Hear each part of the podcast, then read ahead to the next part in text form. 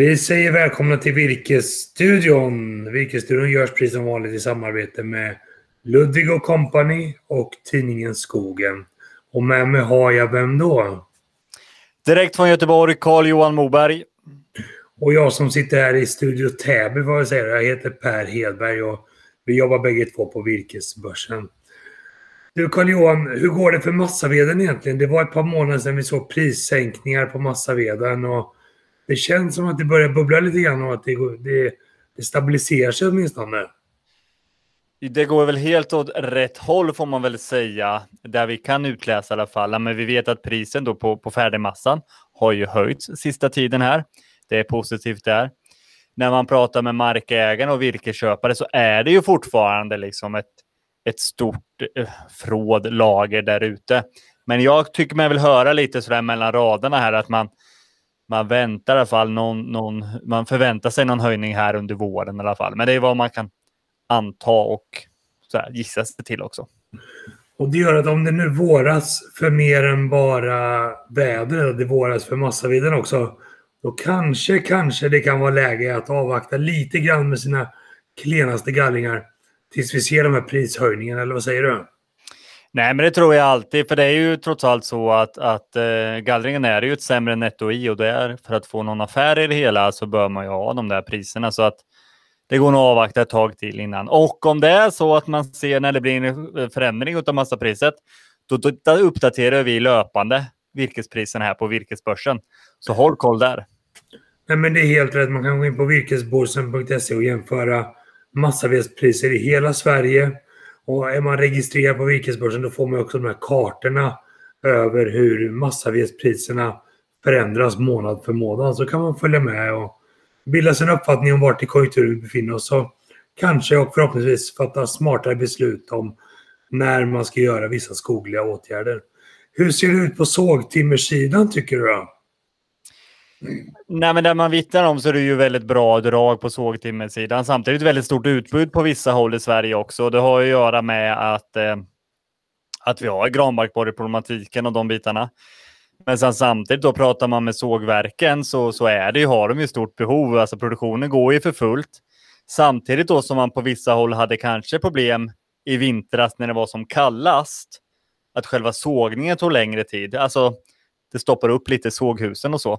Men jag pratade med en eh, markägare idag där typ samma dag som skotan kom till fastigheten på eftermiddagen eller dagen efter så kom timmerbilen och hämtade virke. Så ja. det finns ett behov.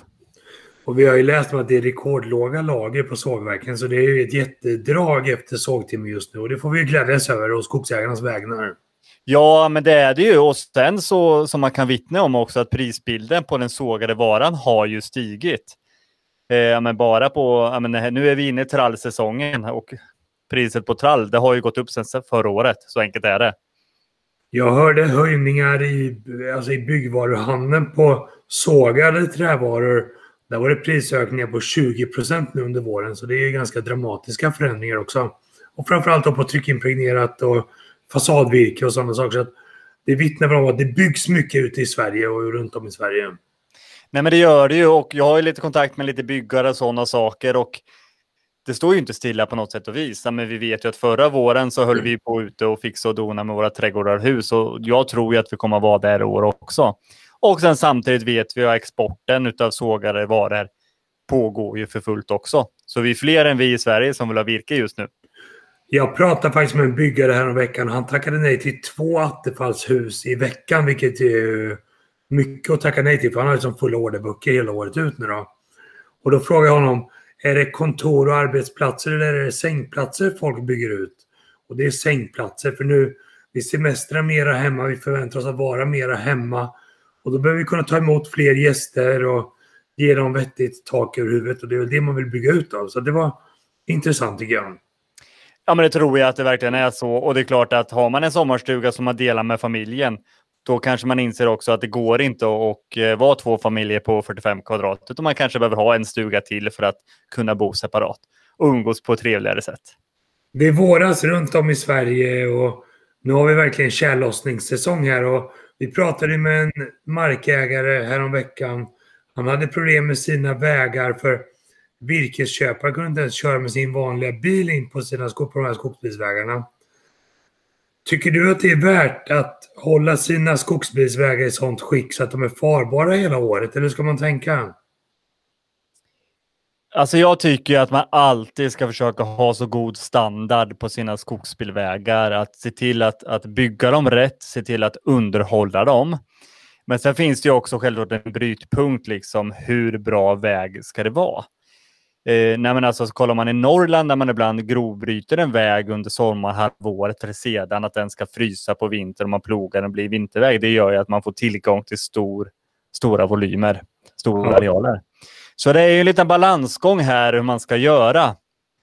Som virkesköpare klart så kan man ju eh, så värdesätter man ju att ha tillgång till, till, till, till skogen året runt.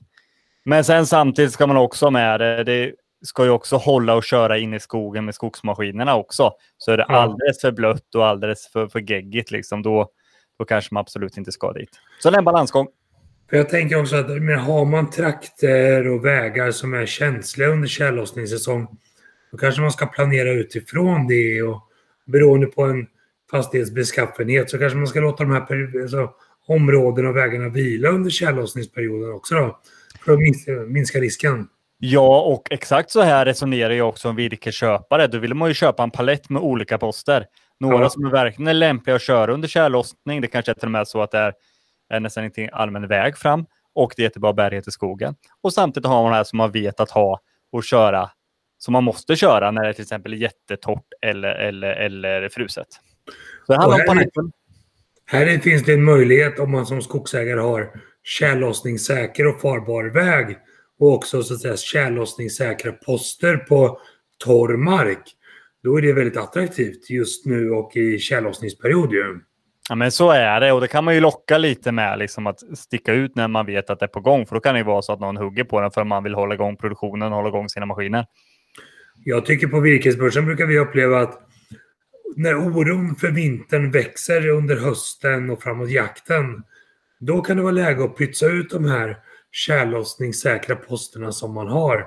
För då kan det finnas en liten premium för dem också. Ja, för trots allt är det ju så också att vädret varierar ju lite. Det kan ju faktiskt vara så att det regnar jättemycket i oktober. Och då går många av de här tjällossningsposterna går åt då helt enkelt. Ja. Och då måste man ha nya inför den här period, tidsperioden vi är nu på, är på året. Virkesmarknaden är het och framförallt på sågtimmer. Massaveden kanske kommer. Men hur ser det ut på fastighetsmarknadssidan för skogsfastigheter, Carl-Johan? Ja, med glödhet skulle jag säga. Verkligen glödhet. Så jag återigen åkt ut och träffat Jenny Brotén i skogarna i Dalsland. Så jag tycker vi går över dit. Hej! Jenny Brotén från Ludvig och Company här. Vi står och filmar här vid Ulkröds gård utanför Hedekas i eh, Bohuslän. Och jag ska prata lite om hur fastighetsmarknaden på jord och skog ser ut just nu. Och vi står precis inför högsäsongen på 2021 det är väldigt många fastigheter på väg ut. Vi har en oerhört stor efterfrågan på jord och skogsfastigheter. Och drivet efter lantliga boenden som vi såg under 2020, det ser inte ut att avta utan folk vill fortfarande flytta ut på landet. Så jag har stora förhoppningar inför 2021 helt enkelt. Så det ska bli väldigt spännande att se hur det blir. Men som sagt var, håll utkik på Hemnet, håll utkik på Ludvig och Company för nu händer det. Ja, det är tydligt att suget efter skogsfastigheter, ja, det är stort och tron på att investera i skogen verkar vara stor. Och det hänger väl kanske på något sätt ihop med börsen som vi hörde från Marcus Helin förra veckan som är chefsmäklare på Ludvig. Så att, jätteintressant marknad. Nej, men det är det ju verkligen. Och sen har vi ju den här effekten också att folk vill, många vill flytta ut, ha någonting ställe på landet att, att vara med eller vara på. Men det tycker jag vi tackar för idag. Och nästa vecka tänkte jag vi skulle försöka få ihop ett litet Sverigesvep och se hur tjällossningsläget är runt om i olika delar av Sverige så kan vi förkovra oss lite mer i det här med tjällossningen.